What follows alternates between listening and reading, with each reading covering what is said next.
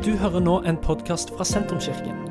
Vår bønn er at du skal få lov til å oppdage mer av hvem Gud er, og hva slags liv han har for deg.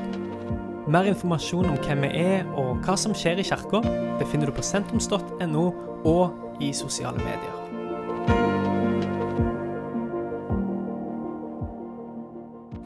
Jesus hele livet.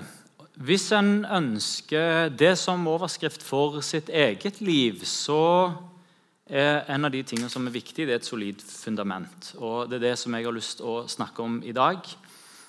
Eh, og Vi skal se på, eh, litt senere se på Matteus 7. For eh, alle mennesker spør seg sjøl dette spørsmålet hvordan skal jeg leve livet mitt. Hvordan skal jeg forholde meg til andre? Hvordan skal jeg forholde meg til jobb? Hvordan skal jeg forholde meg til skole når en går på skolen? Eh, og ikke minst hvordan skal jeg forholde meg til ekteskap og familieliv?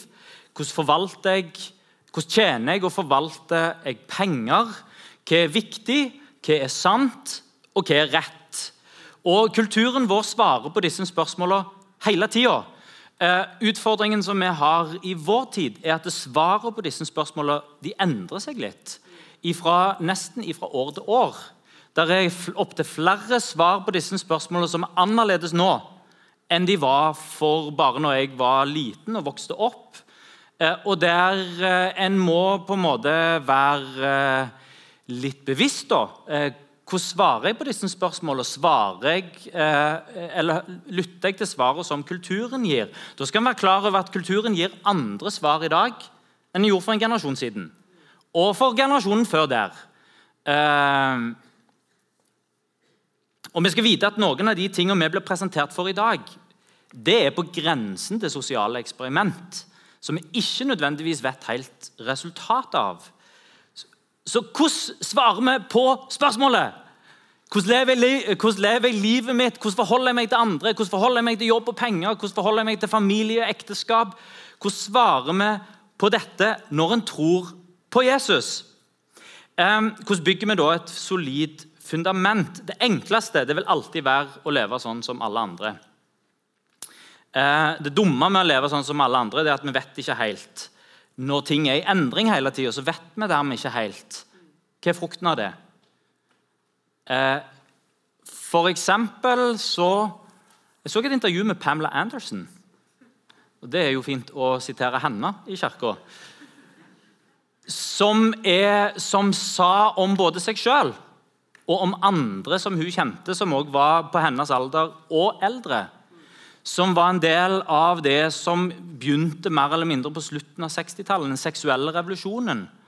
Som var noe helt nytt som kom inn i den vestlige verden. Og der hun sa de, meg selv inkludert, og de jeg kjenner som har vært del av dette, går nå inn i alderdommen i ensomhet. Ok, Det en frukt av den seksuelle revolusjonen og 68-greiene og det frie 70-tallet og, og, ting som har utvikla seg og liberalisert seg, som kanskje ikke alle tenkte på. I gamle dager så hadde den som trodde på Jesus, hadde kunne lene seg i større grad på kulturen. Fordi kulturen hadde bibelske, kristne Jesusidealer. En levde kanskje ikke etter dem, men idealet fantes der. Så da kan jeg lene meg også på kulturen i vår tid. Så tror jeg at den som vil følge Jesus, ikke skal lene seg på kulturen, men gå tilbake til, eh, til kilden. Finne hva er det Lytte til teksten. Og Da skal vi lese eh, sammen eh, Matteus 7, vers 24-27. Og Jeg leser det fra skjermen, for jeg kom på at jeg har en annen oversettelse med meg. Hver den som, Dette er Jesus som sier. Hver den som hører disse mine ord og gjør det de sier, ligner en klok mann som bygde huset sitt på fjell. Regnet styrta, elvene flomma, vindene blåste og slo mot huset. Men det falt ikke fordi det var bygd på fjell. Ok, følg, følg med. Jeg er sikker på at nesten alle når de ser den teksten, tenker nesten lukker ørene. Fordi den teksten har vi sett før. Var, vi har lært det på, på søndagsskolen. Eh, det var mannen som bygde huset på fjell. Eh, men se nøye hva som står her. Følg med på teksten. Hver den som hører disse mine ord og ikke gjør det de sier, ligner en uforstandig mann som bygde huset sitt på sand. Regnet styrta, elvene flomma, vinden blåste og slo mot huset. Da falt det, og fallet var stort. Da Jesus hadde fullført denne, var folket slått av undring over hans lære, for han lærte de med myndighet, og ikke som de skriftlærde. Det er noen ekstremt interessante ting her. Det er noen litt sånn loviske ting her som vi eh, kommer kom inn på etter hvert. Et godt fundament for livet begynner med evnen til å lytte. Det er det som vi ser her. De som hører. I Johannes' åpenbaring står det igjen og igjen den som har øre, hør hva Ånden sier til menigheten. Hva tenker en om den som lytter? Er god lytting er det status? Hva gir mest status? Den som snakker, eller den som lytter? Eh, hva er mest status i et rom som dette? Den som står og snakker? Moi? Eller den som sitter der og lytter? I en samtale, hvem er det som har mest status? Er det den som snakker i samtalen, eller den som sitter og lytter i samtalen? Vi trenger å få fram storheten i å lytte. Gud lytter mer enn han snakker. Han hører tross alt alle våre bønner. Og Noen ganger så er det opptil flere som sier synes det er vanskelig å høre Guds stemme. Eh, og Kanskje er det fordi at Gud lytter mer enn han snakker. Vi trenger å lære oss å lytte. Det er en egenskap for livet. Bare tenk på samtale med den som lytter til hva du faktisk sier. Og så tenker du deg samtale med den som tenker på hva en sjøl skal si mens du snakker. Og så tenker du på eh, fruktbarheten i de to samtalene, og hvem det er mest kjekt å snakke med. Der opp til, det, Ofte så, så, så, så kan, kan, en person som har snakket hele tida, hvis det er noen som lytter, si dette var en kjempekjekk samtale. Fordi det var noen som ville lytte til hva jeg hadde å si. Hvordan øver du opp hørselen din? Gå til steder hvor det ikke er lyd. Da lærer en seg å bruke ørene. Men for å være en god lytter så trenger du å gi oppmerksomhet. Du trenger å være til stede. Skal vi lære å lytte til Jesus, så trenger vi å lære oppmerksomhet. Tilbedelse er oppmerksomhet. Lære å være til stede og lære å ta vekk støy. Gi oppmerksomhet og, eh, og ta vekk støyen eh, rundt oss. Lytting og oppmerksomhet hører sammen, og lytting og tilstedeværelse. Det er veldig lett for en predikant og se hvem som er til stede, og hvem som gir oppmerksomhet. Det er veldig lett i en samtale å se hvem er til stede i samtalen, og lytte. Det har med oppmerksomhet å gjøre, eh, og det har med å ta vekk distraksjoner. Vesten og meg når vi går tur, jeg er veldig til stede i samtalen. Og så plutselig så dukker det opp ei lappfiskand på vannet. Da dras min oppmerksomhet mot lappfiskene nå og vekk ifra samtalen. Det går nøyaktig et halvt sekund eh, fra blikket mitt dras fra samtalen til lappfiskeren til Vesten har sagt Hei! Det er en samtale her. Å lytte handler om å fjerne distraksjoner. Det er å lukke øynene for lappfiskender og være til stede og gi oppmerksomhet.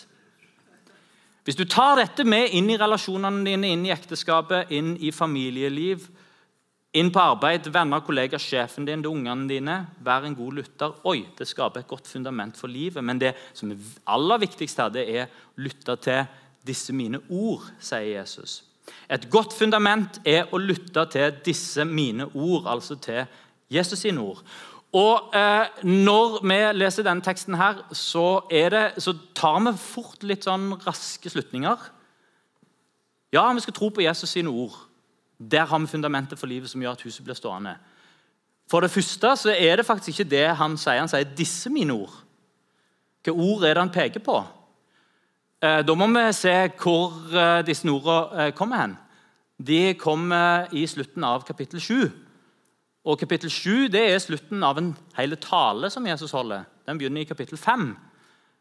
Den talen liker vi å kalle for bergprekenen. Der har vi noen av de mest radikale ordene fra Jesus. De går over disse tre kapitlene. Så, eh, så, så bergprekenen skal en ikke lese bare som sånn tweets, men bergprekenen skal en lese som en preken. Eh, eller som en, egentlig kanskje en bibelskoledag med Jesus.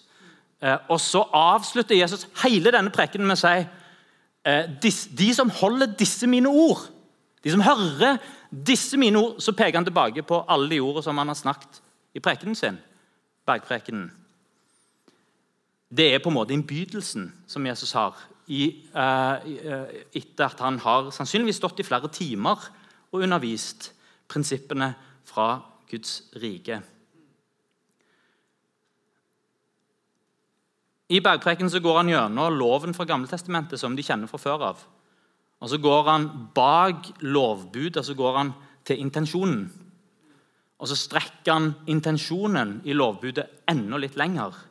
Så han sier dere har hørt det sagt, men jeg sier til dere Og så går han enda lenger i at vi skal elske Gud og vi skal elske mennesker. Eh, nå har eh, Matteus har oppsummert bergpreken i tre kapitler. Per Eivind han oppsummerer bergpreken i ti setninger. Behandle mennesker, uansett hvem de er, med respekt. Behandle alle mennesker, uansett hvem de er, med kjærlighet. Behandle mennesker, uansett hvem de er, med sjenerøsitet, med mer enn de forventer. Behandle mennesker uansett hvem de er, med renhet. Kontroller dine seksuelle impulser og bygg ekteskap som holder. En oppsummerende ting som Jesus sier i bergpreken, gjør mot andre det du vil at andre skal gjøre mot deg. Døm ikke. Jesus sier, 'Vær et menneske til å stole på gjennom å snakke sant og følge ditt ord'.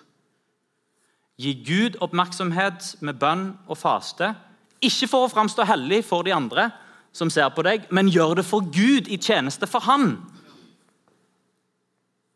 En annen ting som jeg er flink til å overse Jesus sier 'be Fader vår'. Så sier han ikke la materielle behov bekymre deg. Gi det du eier, til Gud. Bli ikke en materialist som lar det du eier, bli herre over deg.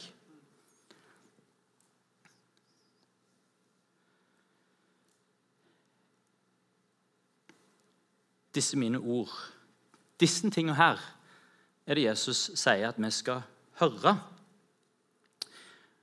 Og så til slutt her Det gode fundamentet er ikke å høre ordene og tro ordene. Det gode fundamentet er å gjøre orda. Hvis du spør kristne, eh, eller hvis du spør meg hva er viktig for et bærekraftig liv i tro og etterfølgelse av Jesus, da vil jeg svare Eh, og mange med meg å hvile i nåden. Forstå at Jesus har gjort alt som trengs å gjøres. Eh, hvis du spør meg, så vil jeg si prioriter fellesskapet. Lev troen ut i fellesskap med andre. Gå til gudstjeneste. Vær en del av et lite fellesskap der en ber sammen, en tar natt, del nattverd og deler liv fordi en er kristen i fellesskap med andre. Kom jevnlig sammen til, bedelse, bønn og oppbyggelse. Eh, hvis du spør meg, så vil jeg si eh, den der jevnlige stunda, eh, stillestunda, den daglige stillestunda med bønn, tilbedelse og Guds ord, den, den, er helt avgjørende for å få et godt fundament for å følge etter Jesus og tro på Jesus gjennom et helt liv. Alle disse tingene er jeg sikker på at du har hørt i prekener fra meg, og du har sikkert hørt de prekener fra andre òg. Og jeg mener fortsatt at disse tingene her er sardel, det, er, det skaper et fundament for etterfølgelse hele livet. Og Gjør en de tingene, så så er det solid. Men det er ikke dette Jesus sier er det solide fundamentet for livet. Livslang etterfølgelse og et solid fundament for et liv i tro på Jesus handler om å gjøre etter hans ord. Å høre ordene, og så gjøre de etterpå. Det er gjennom å leve Jesus sine ord at vi bygger fundamentet som gjør at det blir stående. Og la meg bare hive fram Dette Dette handler ikke om din frelse. Dette handler om et liv som blir stående, som er et, et, et solid liv. Ingen kan gjøre seg til frelse. Det er nåde. Det er gave. Troens gave. Det, det får en i gave ufortjent. Men hvordan blir livet ditt stående? Det handler faktisk om Hvordan lever jeg livet mitt? Hva er prioriteringene mine? Og Her sier Jesus den som hører disse mine ord, som forholder seg til andre på den måten som jeg sier at den skal gjøre. Leve ut Guds rikes prinsipper. Når stormen kommer, for den kommer. Når regnet pøser ned, det kommer til å pøse ned, det vet vi her i Sandnes. Eh, og, og, stormen kjører på, så er det solide byggverket som blir stående, er det som har hørt disse mine ord. Og som har bestemt seg etterpå jeg vil ikke bare høre, jeg vil gjøre disse mine ord. Og gjøre det til livet mitt og til min prioritering.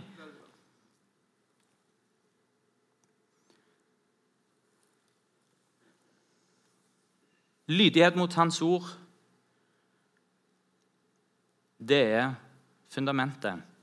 Jeg har sagt før, eh, og nå skulle jeg hatt en mynt her. Er det noen som har en mynt på seg? Nei? Jo. Hvis noen har en mynt, hiv den fram, så kan jeg bruke den som eksempel. En mynt har to sider.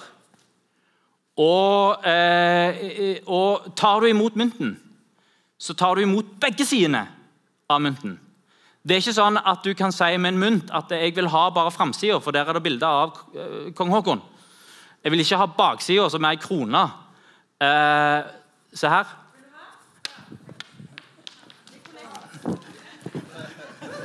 La de strømme ned. Se her. Mynt. Den er veldig liten, eh, men den fungerer. Eh, der har du den ene sida. Og ta-da! Samme mynten har ei annen side. Når jeg tar imot den mynten, så tar jeg imot begge sidene som den mynten har å gi meg. En fugl på den ene sida, takk Gud for det. Og et kors på den andre sida! Oh, oh, oh! Sånn, eh, sånn er mynten i Norge. Fugler og kors. Tro og omvendelse er to sider av samme mynt. Du tar imot det ene. Det inneholder òg det andre. Lydighet og tro.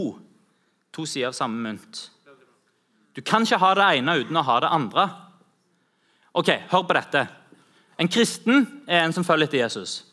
Da er spørsmålet kan du følge etter Jesus og går den egen vei. Det er liksom, nei, Jeg vil bare ha den ene sida av dette. Jeg vil følge etter Jesus, det er den ene sida. Men jeg vil gå min egen vei. Det funker ikke. For hvis Jesus' sin vei er der, og min vei er der, så er det å følge Jesus og gå sin egen vei, det er det som kalles for et oxymoron. Er det det?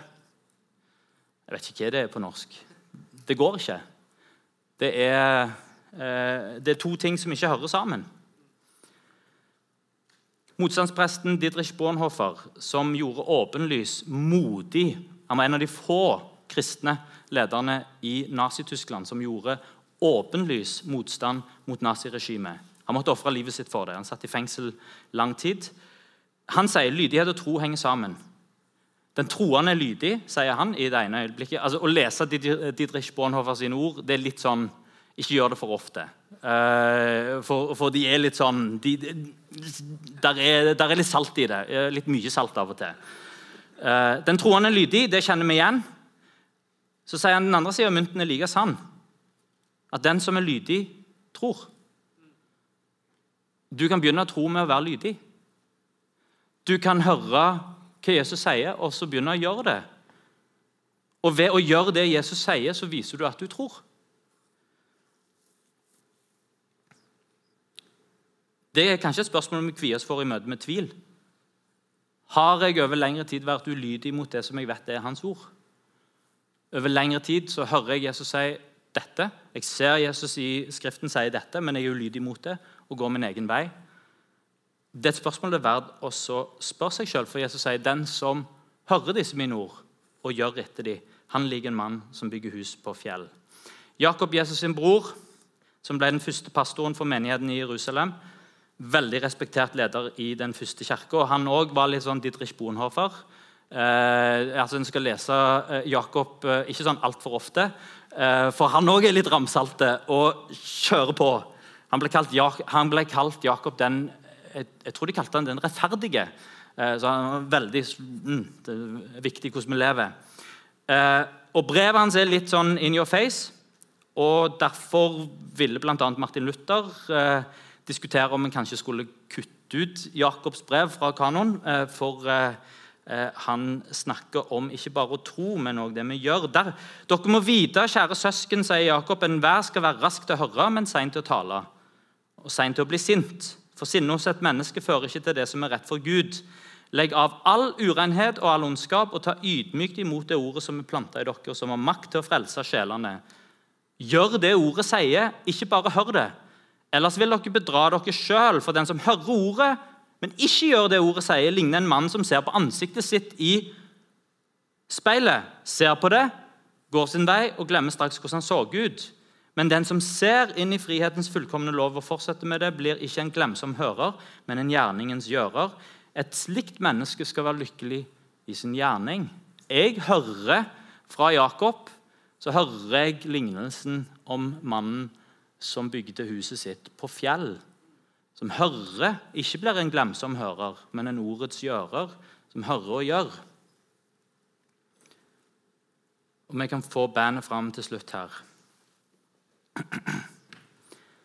Vi glemmer ofte av hvor radikale ordene for Jesus er. Tenk på dette. Jesus sier 'elsk dine fiender'. Og 'elsk dine fiender' det er sånne fine ord. 'Elsk dine fiender' det passer, det passer å si. Det passer å tro med hjertet. Men 'elsk dine fiender' er veldig vanskelig å gjøre i praksis. Tenk hvor radikal den setningen er.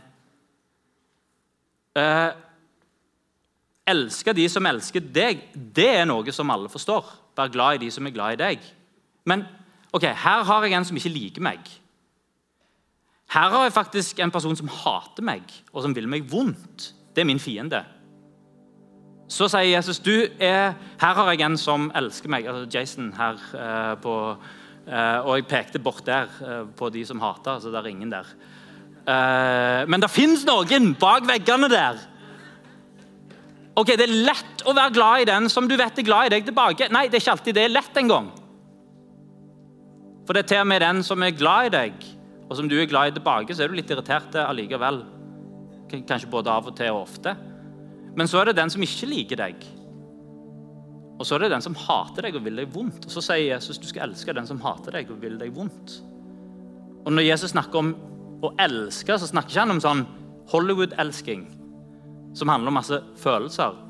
Da snakker han om kjærligheten som gjør. Gjør noe godt mot den som hater deg. Bak ei kake, f.eks. Eller gi en gave, eller snakk vel om.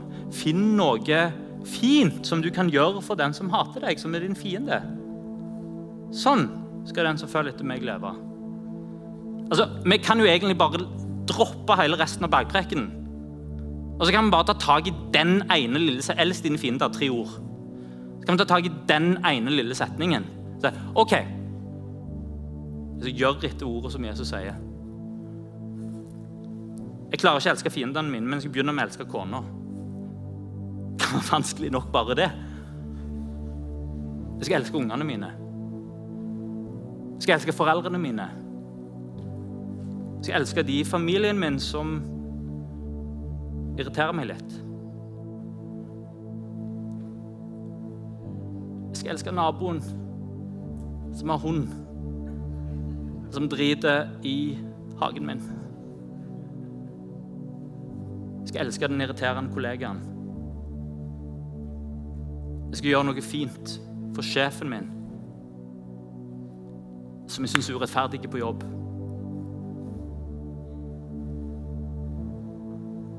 Det gir ikke umiddelbare resultater. Men dette, sier Jesus, er det som bygger et liv som blir stående i stormen. Kan vi stole på Jesu ord? Elsk dine fiender. Nå var det det, de tre ordene der. Hva bevis har vi i verdenshistorien på at dette faktisk funker? Visste du at det er to av de største samfunnsendringene i forrige århundre. Oppgjøret med raseskillet i USA og i Sør-Afrika. Visste du at begge de to oppgjørene der var ledet av pastorer og kirkefolk? Som oppmuntra igjen og igjen og igjen til kjærlighet. Til å vende det andre kinnet til. Ikke vold. Elsk dine Tilgi. Forsoning. Elsk dine fiender. Kan vi stole på Jesu ord? Ja. Jesu ord har bygd vår sivilisasjon i 2000 år. 2000 år seinere leser vi fortsatt hva Jesus, en predikant oppe i bygden i Galilea, sa. Og vi bygger livet på det i dag. Og vet du hva jeg har lyst å oppmuntre deg til? Ikke bare hør Jesus sine ord. Ikke bare tro Jesus sine ord, men begynn å lev Jesus sine ord. Og Vi klarer ikke alt på en gang. La meg si det. Hvem er det som trenger nåde? Det er den som prøver å følge Jesus sine ord, som trenger nåde. For du finner ut at du klarer det ikke.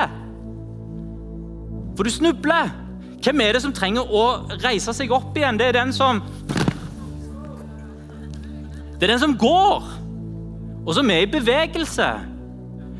I etterfølgelsen av Jesus så kommer vi til å snuble i det å prøve å endre livet sitt og leve Jesus sine ord, så kommer vi til å feile. I det å etterleve Jesus sitt utrolige ideal, så kommer vi til å merke vårt hjertes ondskap og mørke og egoisme. Og vi trenger tilgivelse, og vi får det. For etterfølgelse og nåde, sannhet og nåde, omvendelse og tro er to sider av samme mynt.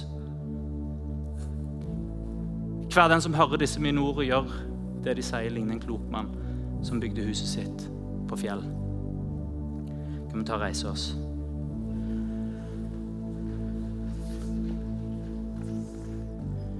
Vi skal straks eh, tilbe Jesus sammen.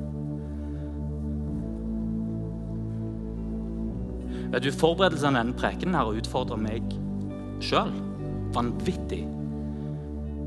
For jeg elsker teologi. Og jeg elsker hodekunnskap. Og jeg elsker å forstå med hodet. Men det er ikke min forståelse og et klokt hode og masse kunnskap som bygger et liv som har et fint fundament og et solid fundament. Det er etterlevelsen av det som en har forstått at Jesus sier. Vi kan lukke øynene der som vi står. Hvis du har lyst til at jeg skal inkludere deg i ei bønn og sier jeg vil lytte aktivt til Jesus sine ord, og jeg vil gjøre det som jeg hører Jesus sier, og når det er ubehagelig, og når det er vanskelig, og når det er motstrøms, og kulturen vil at jeg skal gjøre det på en annen måte kan du godt legge hånda di på hjertet ditt, så ber vi sammen. Herre Jesus, takk at uh, ditt ord er til å stole på. Takk at ditt ord skal aldri i evighet forgå. Takk at det er evig.